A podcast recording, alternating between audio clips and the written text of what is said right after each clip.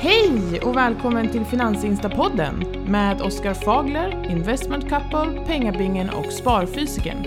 En avslappnad podd om ekonomi där du får vara med och styra innehållet. Tjena allihopa och välkomna till Finansinstapodden. Um, hela gänget är samlat idag. Tack och lov. Härligt. Yes. Hur är det med er grabbar? Ja, det är bra. Ja, det är bara bra. Ja, det känns väldigt bra. Vi brukar ju inte vara samlade allihopa men två gånger i rad nu. Nej. Och fler ska det bli. Mm. Ja, shit. Kul. Ja. Köpa en trisslott. Mm. Ja men det är gött. Det är gött. Um, det är lite kul. Vi brukar ha lite försnack här innan också innan vi spelar in och det är alltid mm. roligt att prata med er. Uh, men uh, vi tänkte att detta skulle vara ett frågeavsnitt. Mm. Köra frågor. De brukar vara populära de avsnitten. Vi um, får många lyssnare på de, uh, de avsnitten och det är många som skickar in frågor så att ja, det är riktigt kul. Det är nästan aldrig slut på frågor så det finns alltid något att prata om. Mm. Ja, gud ja. Både nya och gamla frågor. Så att det, och vissa frågor är ju mer aktuella nu än kanske innan. Så att det, det var bra. Mm. Ja, mm. Nej men um, ska vi köra igång direkt med frågorna? Det är kul. Vi kastar oss in i det. Och vi har ju Oskar som är vår ständiga frågeuppläsare. Mm. Kör Oskar. Du får höra din vackra röst. Ja, exakt, du kör introt, jag kör frågor. Det, det har ja. blivit så. Tradition. Ja, nej, första frågan är, jag har nyligen fått ärva 2,5 miljoner kronor och vet inte riktigt hur jag ska investera dem. Har, har du fått ärva dem Oskar? Eller är det Nej, jag, det hade ju varit trevligt med den bonusen men äh, Det är en rätt rejäl summa, 2,5 mille. Ja. Mm. Vad säger ni? Jag tycker det är en jättebra fråga för att det, det, det, är ju nästan lite som eh, den här frågan eh, Man kollar på folk som har vunnit pengar på Lotto och så har de kanske inte varit så bra på att hantera pengar innan och så kan det ju bli att man får ett arv på väldigt mycket pengar och man kanske aldrig har haft några pengar att röra sig med mm. tidigare så att det kan ju bli en svår situation också. Ehm, det är nog lätt, lätt att flippa ut. Ja, mm. det blir väl en, det är en fantastisk eh, situation. Klart att få massa pengar på en gång men eh, också knepigt att fundera på vad man ska göra med dem. Men steg ett borde väl ändå vara att man ska skaffa sig en, en hyfsad buffert va? Mm. Jo men det tänker ja, jag också. Absolut. Sen så beror det väl lite på hur gammal man är när man får det här arvet. Eh, är man 25 eller är man 55? Det, det gör ju lite mm. skillnad på hur man ska hantera pengarna tänker jag. Jo, hur ekonomin ser jag ut Jag tycker det första. Ja. Det första man ska göra är att låt, låt pengarna vara. Tills du har helt klart för dig vad du ska göra med dem. Om man vill investera på börsen, vilket kan vara klokt att göra med en del av pengarna för, för pension och liknande. Men att man läser på lite innan och är liksom, alltså man inte börjar spetta sprätt på pengarna direkt utan låt dem stå så att man hinner landa mm. lite. Annars är det lätt att, oj, det gick 500 000 sen shit så har man bara en mille kvar. Mm. Det, det, är liksom, det spelar nog ingen roll om man får 10 000 eller 2,5. Det kan ju vara väldigt lätt att, att bränna det väldigt fort faktiskt. Om jag skulle se på, min, eller på vår egna situation så hade jag ju om det var nu att vi fick det arvet hade vi sannolikt köpt ett hus. Mm. Eh, ja. Sannolikt. Eh, och haft en eh, rätt stor insats då. I och med att det är en stor summa pengar. Eh, och hade vi varit äldre, alltså kanske närmare pensionsålder. Då kanske vi hade ja, investerat pengarna men väldigt, väldigt brett. Kanske bara 50-60% mm. i aktier och fonder. Men resterande pengar i lite andra bredare tillgångslag så att säga. Mm, jag tänkte säga det precis när du sa det där i sig att mm. om man har en bostad med lån så är det ju nästan aldrig fel att lägga in allt och bara amortera bort lånet. Mm. Uh, mm. Att investera pengarna är ju mer riskfyllt liksom. Uh. Mm. Jag kan tänka mig att man kan bli rätt handlingsförlamad också. Vissa kanske blir, sätter sprätt på pengarna men vissa blir så rädda för att använda pengarna eftersom man inte vet vad man ska göra. Man kanske inte har något shoppingbehov. Mm. Man kanske har det, det liksom så jag har min bil, jag har min bostad. Mm. Jag har min, alltså man inte är sådär sätta sprättig så att säga. Så mm. kanske man blir tvärtom, att man man blir så rädd för att göra någonting med pengarna så att de bara står på ett vanligt bankkonto. Mm. Precis, det kan ju Alltid, finnas... Och så vågar man inte investera, man vågar inte handla, man vågar inte något. Mm. Precis, det kan ju finnas ett sentimentalt värde också om man vet att den här personen som man ärver pengarna från har kanske kämpat väldigt mycket och det här är liksom eh, Det här är det man har, har skrapat ihop under hela livet och Mm. Om man då skulle trycka in allting på börsen här i ja, men i början av detta året till exempel och man ser pengarna falla väldigt väldigt snabbt i värde då kanske man mår ganska dåligt över det också. Mm. mm. Så jag tror det är en bra idé där som du sa sparfysikern att eh, man är lite försiktig och, och, verkligen funderar på vad man ska göra med dem. Mm. Tror jag också. Har, har man konsumtionslån och liknande så tycker jag att då, då kan man betala av.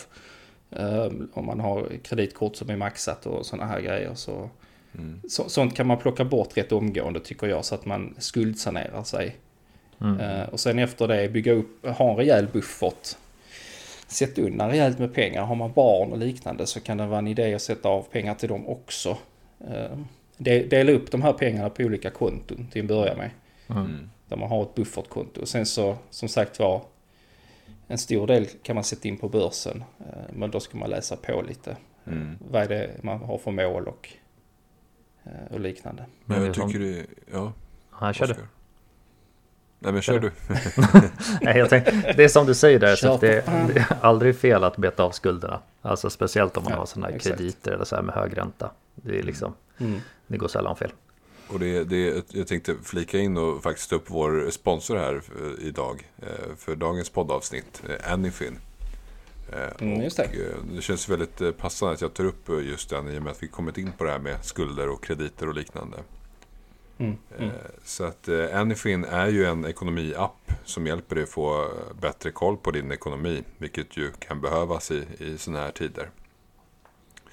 Och mm. jag kan ju tänka mig att det är många som kanske blir tvungna att handla på ja, delbetalning eller kanske använda sitt kreditkort extra mycket nu när priserna stiger. Det förstår man ju. Eh, och det tråkiga här är ju att ditt köp ofta blir dyrare i slutändan. Eh, på grund av att räntan som tillkommer, som nu också är väldigt hög. Eh, och därför vill vi då tipsa om Anyfins funktion eh, att sänka sin ränta. Mm, exakt. Så för har man en kredit eller en delbetalning eller ett privatlån så kan man faktiskt ansöka helt kostnadsfritt i Anifins app. För att se om det kan hjälpa en att få sänkt ränta. Eh, och sen lägga om krediten hos dem istället och på så sätt spara pengar. För det är ofta räntan som är, är det den stora utgiften på de här typen av lån, konsumtionslånen. Men det är gratis att skicka in den här ansökan till Anifin och så kikar de igenom nuvarande villkor och ser om de kan ge en bättre och lägre ränta Eh, helt enkelt. Och kan de det så får man ett erbjudande från dem. Sen är det upp till dig då att om du accepterar det eller inte. Eh, men det ska såklart alltid vara en win-win situation. Eh, det är ju deras mål. Och det är faktiskt som så att Danifin sparar i snitt 6600 kronor åt sina kunder genom att, flytta över sin, att de flyttar över avbetalningen då. Och får du då ett erbjudande så kan du se, kan du se hur du kan påverka avbetalningstiden genom din individuella avbetalningsplan. Eh, sen är det många andra fiffiga funktioner i, i deras app som kan hjälpa en att få kontroll på ekonomin. Man kan se lite abonnemang och fasta kostnader i appen också. De fångar upp dem automatiskt. Och då kanske man hittar något som man inte visste att man betalade för. För ibland så bara flyter det på utan att man tänker på det.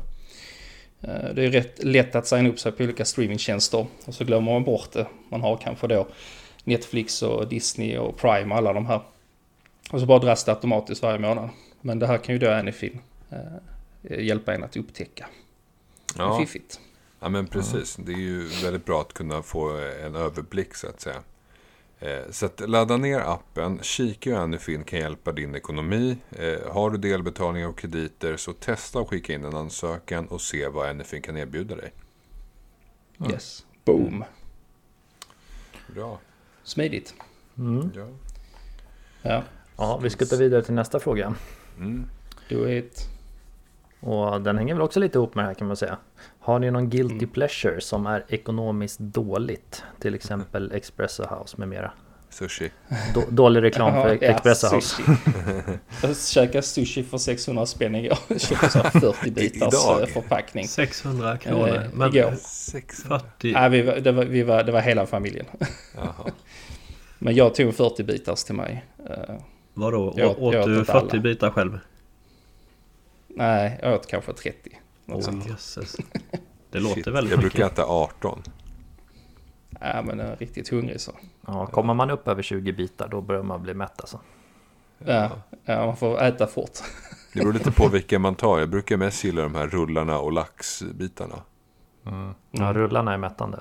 Ja, verkligen. Men jag har inte guilty pleasure. Jag tycker inte det är ekonomiskt dåligt att eh, äta restaurangmat ibland. Nej. Faktiskt. Det, det Sa du att det okay. inte är det? Jo, det är okej. Okay. Ja. Det är okej. Okay. Ja, ja, att äta det ibland. Ja, men det är ju ekonomiskt dåligt. Det är ju det. det ja, det men det beror på vad man får ut av det. Jag håller ja, du kan, få ut, du kan ju få ut glädje och goda smaker, men ekonomiskt är det ju mm. dåligt. Men beror det inte lite på hur ofta mm. man gör det? Jag tänker, äter man på restaurang varje kväll så då kanske man till slut tröttnar. Och det är jättedyrt, mm. men, ja, men då, hur ofta äter ja. du på restaurang? Sparfysiken? Alltså, det är varannan månad kanske. Så, ja, ja. Så, alltså, ja. Men vänta, inkluderar du hämtmat där också? Uh, ja, inte pizza. Pizza räknar jag inte som hem. Det, det räknar ja, inte in. Men, men om vi säger så, sushi går på restaurang. Alltså utemat i allmänhet? Ja, två gånger i månaden. Alltså, så, så lite. Att, alltså kö, köper mat antingen på restaurang eller hämtmat. Mm. Cirka två gånger per månad. Det är Ingenting. jättesällan. Ja, det är inte alls farligt. Mm. Det... För mig är det ju tre gånger i veckan. Ja, det är typ samma. Ja. ja, alltså vi är, och, och, dessutom på jobbet äter man ju ofta lunch där. Så det blir ju mer, det blir nästan varje dag. Mm. Mm, mm. Nej men det kan ju verkligen tillföra ett värde särskilt Alltså gå ut på restaurang och få den upplevelsen och, och vara med dem man tycker om och sådär Och även beställa hem mat och, och, spara tiden som det tar och, och, och tillaga maten och sådär det, det, kan ju vara väldigt trevligt att man har det som en mm. grej på fredagar mm. eller något sånt här kanske mm. Jag har ju, jag har ju mina sådana här små eh, frosserier på, på fredagar. Eh, lite så här, jag tycker om att köpa hem god dricka från bolaget. Eh, mm. Och sen så kör jag någon härlig råbiff. Det är jag svag för. Det, det, det är typiskt sådana här guilty pleasure som jag inte behöver men... Men, men, men du, du, har ju skrivit sådär ibland att nu är familjen iväg. Nu, har jag, nu står jag här och steker 800 gram kött och liksom... Det är sådana, det, det är sådana mängder. ja. Jag vill faktiskt, jag vill ändå påpeka att jag är normalbyggd. Så att det, det kanske låter som jag skulle. Men äh, jag har, det är min guilty pleasure. Det är, det är, inte, det är inte köpmat ute utan det är mer hemma i så fall. Att jag mm. köper hem sånt som är ekonomiskt dåligt. Nu vet jag inte om du har den bilden. Jo, du har ju det där skägget på visningsbilderna på Instagram. Och man får ju intrycket av att du är som riktig grottmänniska liksom. ja men det är jag också. Ligger ute under en sten. Är det kött så ska det vara rått liksom. Ja men jag vet inte, min, min pappa började med det, jag minns, så länge jag kan minnas så har han liksom gjort råbiff ibland och så fick mm. man smaka det. Så det har hängt med, det är liksom en sån smak som... Uh, men hur gör man för att lite... inte bli sjuk då? Är det något särskilt kött eller vilket som helst du köper? Eller hur? Du ska ju göra det av högrev. Man mm. kan göra det av kalvfärs också. Kalvfärs tycker jag är nästan är bäst. Men uh, man får ju vara försiktig. Du ska inte köpa vad som helst. Men, nej, men jag menar alltså färs känns ju lite risky business. Det känns ju på något sätt fräschare att ja. käka en muskel liksom. Man måste våga ta lite risker i livet. Men köper du hög, högrev på Ica, liksom sån inplastad och sen knäcker du ett ägg på det och så äter Nej. du det bara? Eller? Ja, I värsta fall kan man göra det. det, det men du ska ju helst ha färskt kött som du kan få malet. Det är ju det bästa. Mm. Men eh, jag har aldrig blivit sjuk av det, aldrig någonsin. Eh, och Nej, då är jag 41 nu och har käkat också, i 40 år. Jag brukar också käka mycket råbiff och jag har inte mm. heller varit dålig faktiskt. Det låter faktiskt rätt äckligt alltså. Har vi snackat skulle... om råbiff i fem minuter. ja, men det är jag, skitgott. Jag skulle aldrig kunna tänka mig att äta det. Tror jag. Jo, beställ det på restaurang. Nej. Riktigt bra. Alltså, alltså mediumkött och sånt där, riktig biff så, det är ju skitgott. Men, men just eh, köttfärs som är rå och sånt där, det känns men, ju lite eh, risigt. Ska vi ses nästa helg så ska jag bjuda dig på en bra råbiff. Nej, aldrig. Alltså jag kommer inte kunna äta. Jag, jag, jag, du, får hämta, du får hämta en liksom på, spypåse. Nej. Jo, alltså det kommer vara svårt. Det, det är något mentalt alltså. Okej, vi gör så här. Jag beställer råbiffen, du beställer något god burgare och sen smakar du en tugga.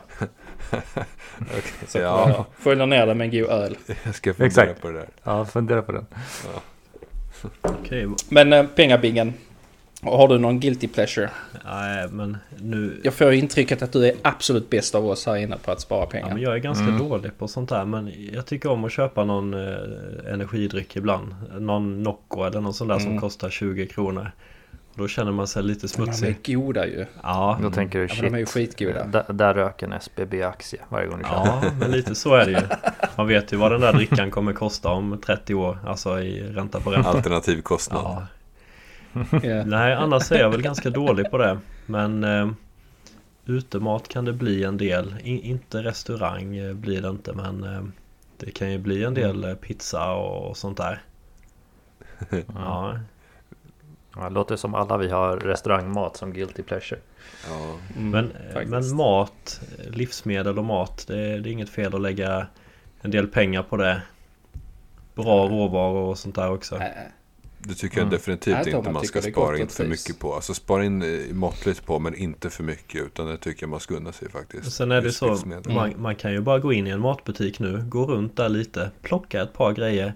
Och det kostar ändå 1500 spänn. Så det kvittar ju vad man tar mm. nu. Det är så dyrt allting. Helt sjukt. Ett paket Helt kaffe, sjukt. 60 kronor och ja. Mm. Äh, min, vet ni vad? Min, eh, min, den butiken jag brukar handla på i Landskrona, Coop. De, eh, de har någon sån här liten vagn där de säljer ut typ förpackningar sönder. Det är sådana vakuumsläpp på kaffe. Mm. Och så sålde de ut dem för typ så 30 spänn. Jag bara shit, vi tar, vi tar allihopa. Och det är typ vad de kostade för ett år mm. sedan, 35 Nej. spänn. Jag var på Ica Maxi i helgen. Kom, det finns en majonnäsburk där som brukar kosta 15 spänn. Jag gick förbi mm. den hyllan nu, den kostade 40. Satan! Ursäkta, jag svär. Ja, det, det, är, det är sjukt. Det är sjukt. Ja. Helt stört. Men vi handlar, vi, vi tänker oss för när vi handlar men vi har inte så här blivit så här maniska med priser utan vi handlar rätt lika som vi gjorde innan. Mm. mm. Möjligtvis lite mer försiktiga. Men uh, jag vill inte, jag är trött på att gå och handla och jaga låga priser. Mm. Jag gjorde det innan. Mm. Jag vill bara ha mina grejer och komma hem liksom. Ja, men precis. Men på, på, eh, på tal om det så nästa fråga handlar just om det här. Hur länge spår ni att inflationen håller i sig? Mm. Mm. Vad säger ni? Alltså jag tror att vi kommer ha inflationsproblem länge. Därför att vi har ju haft så, så hög inflation senaste året som, som liksom har gjort att de här problemen kommer att vara kvar i flera år. Därför att folk inte riktigt har vant sig vid de högre kostnaderna. Och mm. liksom vi har fått reallönesänkningar och sådär. Så att även om vi teoretiskt helt plötsligt över en natt skulle få 2% inflation årligen. Så skulle folk fortsatt liksom ha det väldigt tufft. I och med att allt fortsätter dyrare och sådär. Så att även om inflationen faller ner till 2, 3, 4, 5% nu. Så är det 2, 3, 4, 5% på redan höga nivåer. Eh, ja. Så att det i sig kommer ju fortsatt göra liksom att det tar inte bort att elpriserna är höga, att folk har fått reallönesänkningar och sådär. Så att även om vi ser låg inflation om ett år så kommer det fortsatt vara väldigt tufft, tror jag. Mm, mm. Du menar att eh, priserna fortfarande kommer vara på samma nivå som nu? Ja, jag menar liksom även alltså maten har gått upp 20% senaste mm. året, vilket den ungefär har ju. Så, mm. så även om vi bara får 2, 3, 4, 5% inflation om ett år, eh, mm. alltså i årstakt så, så är det fortfarande på höga nivåer. Eh, från, från liksom om vi bara tittar tillbaka två, tre år tillbaka. Eh, och då, då blir det ju som så att vi har reallönesänkningar, dyra elpriser, dyra livsmedelspriser och sånt där. Så att även om inflationen faller tillbaka till att KPI blir normalt så kommer vi fortsatt känna att det är tufft liksom i plånboken. Mm, mm. Det tror jag. Ja, jag tror ju de här Fan, prishöjningarna är... som eh, en del har gjort, matbutikerna till exempel, de kommer de nog hålla kvar i. Ja. Även när Absolut. bränslepriserna, om de skulle gå tillbaka till exempel. Men jag tänker också att dollarn, om den skulle tappa, att kronan skulle stärkas och eh, man ser ju oljepriset också har fallit tillbaka lite grann. Det har blivit lite billigare i alla fall att tanka bilen här nu. Det borde väl ge lite effekter på eh, transporter och, och sådär också så att eh, Tror ni inte att eh, inflationen skulle kunna falla tillbaka lite om, om dollarn eh, faller tillbaka. Mm. Kan det säkert göra. Säkerligen. Det är många, många ja, faktorer som spelar mycket spekulation. Tyvärr har vi i andra änden liksom det här med elpriserna som fortsätter elda på och sådär. Och vi har fortsatt väldigt lösa finansiella förhållanden i och med att räntan faktiskt är väldigt låg i förhållande till inflationen. Så att, alltså vi har ju ganska mycket som ändå är inflatoriskt. Också det här att vi har mindre globalisering, vi har ett krig i Europa och sådär. Mm. Det är väldigt mycket som driver på det. Även om vi får positiva effekter på inflationen och vad dollarn faller och sånt där. Så blir det nog svårt att komma ner till 2% på, snabbt. Mm. Utan det kommer ta ett tag. Tror det jag. tror jag också. Mm. Sen eh, är väl de flesta överens om att vi ska in i en recession va? Och mm. det brukar väl alltid föra med sig att um, inflationen faller tillbaka. Sen, sen kommer det säkert ta längre tid än, än ja, det kommer inte gå på, på några månader utan eh, vi får nog vänja oss vid att eh, det biter sig kvar lite grann. Mm. Mm. Vad är det Riksbanken har för, eh, vad spår de? När ska eh, inflationen ha fallit tillbaka till 2%? Jag tror att de har rätt, alltså att det ska falla rätt hastigt. Och redan under nästa sommar, slutet på sommaren, ska de väl vara nere kring 5 procentenheter eller sådär, KPI. Mm. Och att det ska vara nere mot 2 procent då om ett år ish. Mm slutet av nästa år. Ja, precis. De sa ju, också, man... de sa ju att vi skulle ju inte höja räntan förrän 2024. Och så, så jag vet Jaha. inte om man ska lyssna Nej, på exakt. dem. Nej. Nej. Mycket handlar ju också om att folk them. inte ska ha så mycket panik också. Folk är ju väldigt rädda av prisökningar och sådär. Mm. Så att mycket handlar ju om att signalera rätt saker så att folk håller sig lugna. Liksom. Och skulle man fråga Ingves eller Thedéen eller sådär så hade de ju själva sagt att jag har ingen aning om när inflationen kommer gå ner. Tror jag. Mm. Nej. Mm. Alltså det, det hela påverkas ju också av tidningarnas eh, alarmerande Alltså det blir nästan, det blir en sanning det de skriver. Folk blir väldigt, eh, det blir väldigt mycket panik av det hela. Mm. Faktiskt. Jag tycker lite så här, alltså det är klart grejer kostar men man får ju anpassa sig. Det är ju, det är ju bara till att hänga, hänga på. Det är liksom tåget går och vi sitter alla på det så att det är bara till att bita i det liksom. Mm. Göra det bästa av det. Tror jag. Ja, ska vi skutta vidare? Mm. Vad tycker ni om eh, fastighetssektorn? SBB och Castellum specifikt? Något för SBB. pengabingen eller? Mm, tänkte precis Ja, många, många fastighetsbolag har väl gått från eh, förvärvsmani till eh, försäljningsmani va? Mm, mm, mm. mm. Nej men så är det ju. De eh, säljer av tillgångar och fastigheter. Och eh, alla har gått mot att sänka skuldsättningen. Mm. Man hade ju önskat att det fanns något bolag egentligen som hade dratt nytta av det här nu istället. Eh, att alla måste sälja fastigheter och, och, och köper på sig en massa men alla är väldigt försiktiga. Och eh, man har ju bromsat in när det gäller eh, eh nybyggnationsprojekt och sådär också. Mm. Så jag tycker det är, det är lite klurigt. Eh, SBB har väl nästan gått upp 100% eh, sen botten där. Mm. Mm. Castellum har också gått upp eh, en del sen eh, Rutger eh, eh, sålde till eh, Roger Akelius där ju. Så ja. att det kommer väl bli mer, mer affärer likt dem kan jag tänka mig att kapitalstarka ägare utan så mycket belåning går in och mm. ja, hjälper eller tar över en del fastighetsbolag. Men jag tror inte det kommer bli den krisen som man är inne på för att eh, till skillnad från 90-talet eh, så finns det helt andra kassaflöden i fastighetsbolagen idag. Mm. Och bankerna är betydligt starkare också. Det var ju det som var problemet att bankerna kunde inte gå in och rädda eh, fastighetsbolagen heller men de är ju väldigt starka. Det är våra svenska banker. Mm. Men de bygger inget själva va? Eh, vilka då? De bygger inte just eh, SBB och Castellum.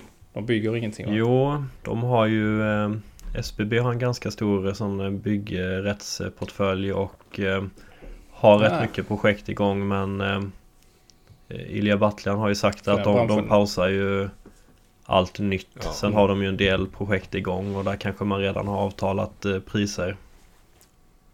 Ja, för det har ju tvärnitat nu den byggsektorn med bostäder. Precis, jag tänker de, de som bygger bostadsrätter och sånt där, de vågar väl säkert inte göra någonting. Mm. Vet Nej. du hur det blir där med JM och SBB äger en stor kaka där. Hur, hur blir det med den värderingen? Ja du, det är en bra fråga. Um, där är problemet också att SBB har ju bokfört det till ett visst värde och uh, JM mm. står ju betydligt lägre än så. Mm. Alltså det blir lite konstigt. Uh, och då förstår man ju att man ifrågasätter substansvärdet i SBB men kanske inte lika mycket som Viceroy gör då. Nej, precis. Men... Nej, men det är klart att man ser vad marknaden värderade till och, och SBB mm. värderade till något helt annat. Det blir lite märkligt. Mm. Sen bokföringstekniskt är det säkert helt eh, korrekt. Mm. Ja. Det blir rätt spännande att se vad, vad som händer nu med alla nybyggnationer och sådär framåt. Inte bara ja. för fastighetsbolagen utan också för eh, allt ifrån bostadsrätter till liknande. Mm. Ja, för bostadsbristen finns väl kvar tänker jag. Så att eh, den dagen eh, eh marknaden vänder så är det nog eh, många som är redo att gasa igen. Det skulle vi nog kunna diskutera Men tror ni det kan bli ett ökat avsnitt. intresse för... Mm. Oj, förlåt. Vad sa du? Ja, nej, jag, jag, just det med bostadsbrist. Det begreppet. Jag tycker inte vi har bostadsbrist i Sverige. Jag tror bara vi har felallokering av bostäder. Liksom. Precis. Eh, så alltså, jag, mm jag tror nu grejen här nu när vi går in i recession och hög inflation och mycket så folk. Alltså jag kommer, tror vi kommer se ett betydligt ökande intresse för hyresrätter. Mm. Uh, att folk vill hyra istället för att de inte har råd att äga någonting. Och intresset för hyresrätter har ju alltid varit högt. Det är ju liksom kö, stora köer i alla storstäder i alla fall. Ja men tänk, tänk att vara pensionär idag och man får en elräkning på 25 000 och man har hälften så mycket i pension. Då kanske mm, man bara säger att nej nu skiter jag i detta och sätter mig i en uh, hyresrätt istället här. Så får en barnfamilj mm. flytta in. Och kan bli mycket ja, det där med, ja, ja, precis. Ja, intressant.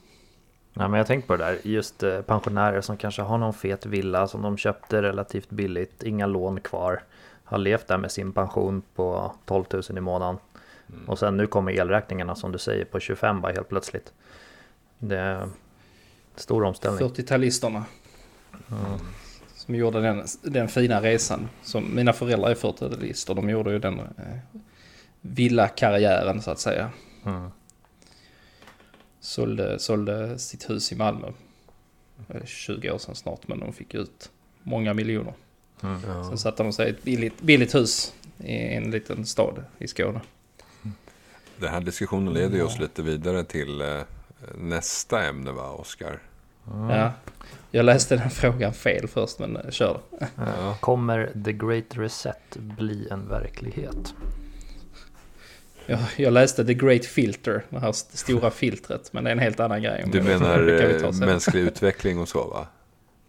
Eller? Alla civilisationer ja, anses att det är sådana stora händelser som antingen ja. överlever, tar sig civilisationen igenom det. Ja. Det här kallas för ett filter, eller så dör civilisationen ut. Ja, jo, jag vet. Det där har jag läst lite. Det, det är inte samma sak som the Great Reset. Nej. Great Reset är väl det här man har talat om senaste åren. Eh, om, eh, vad är det man brukar skämta om? Eller jag vet inte om man säger det skämtsamt. Det här att you will own nothing and you will be happy, så att säga. Mm. Lite att vi går mycket mer mot, ett, eh, mot en värld där man äger allt mindre. Allt finansieras med lån eller leasing. Eller, ja. Eh, så att, att vi får en stor generation som kanske aldrig äger några tillgångar utan att allt koncentreras till en liten skara människor som äger allting. Typ. Mm. Ja.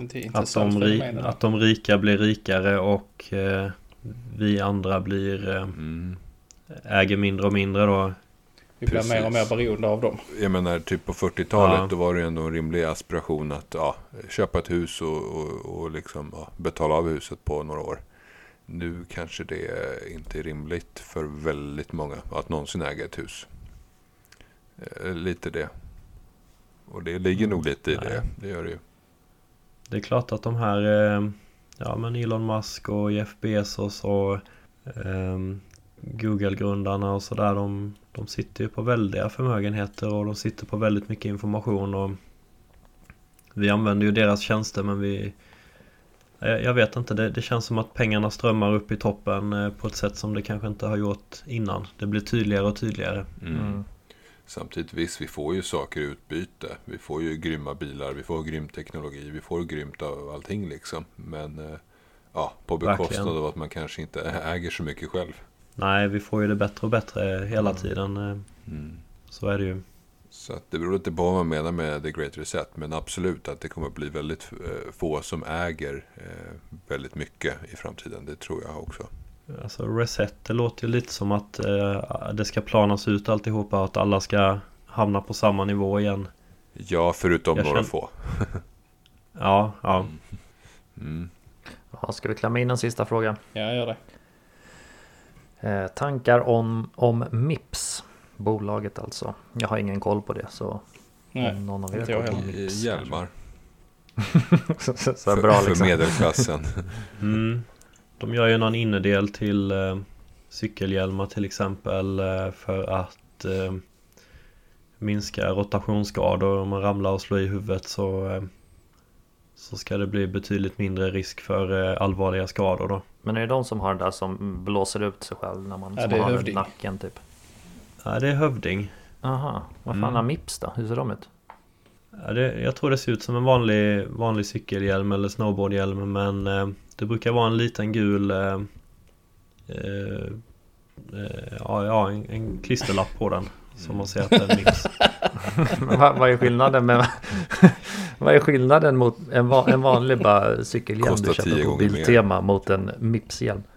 Ja men... ja men, du coolar väl vippen lättare då om du inte har en Mips Jag vet inte men det, det är lite som Lite som Gore-Tex Att det, det, är liksom en ingrediens i Ja i hjälmen då istället för i skon eller vad det kan vara okay. Som gör den lite bättre och Jag har dålig koll på bolaget men det var ju skyhögt värderat och eh, har fallit väldigt mycket och eh, eh Har växt väldigt mycket också så att eh, det är ett spännande tillväxtbolag men eh, de är ju inte så populära nu på börsen. Mm. Ja. Jag googlade här nu. Mips är ett skyddssystem för hjärnan. Det är ett extra skydd som är integrerat i hjälmen. Ett lågfriktionslager under komfortlagret som ofta är gult och tydligt märkt med logotyp. Så... Jag sa ju det, ja. klisterlapp. En, en klisterlapp som skyddar hjärnan. Lite enklare förklaring. En klisterlapp. Mm. Exakt, klisterlapp som skyddar hjärnan. Där har ni det. Ska vi avrunda där? Ja. Ska vi det? Ja, det tycker ja. jag. Ja. Outro. Nej men det var trevligt. Mm. Då har vi hunnit prata lite om arv, lite om guilty pleasures, lite om inflationen. Gått in lite på fastighetsbolagen. Eh, lite om pratat råbiff. lite om the great reset. Ja just det, biff. just det, glöm inte råbiffen. så länge jag är med i denna podden kommer vi snacka mat. Den saken är säker. Ja, det är bra. Mm. Matvädret. Ja, jag... ja, Fast det gjorde vi inte den här gången, så nu släpper ja. vi. Det löser sig mm. alltid. Okej. Boys and girls, ha det så bra. Tack för idag. Ha det gött. Hej då. Hej då. Hej då.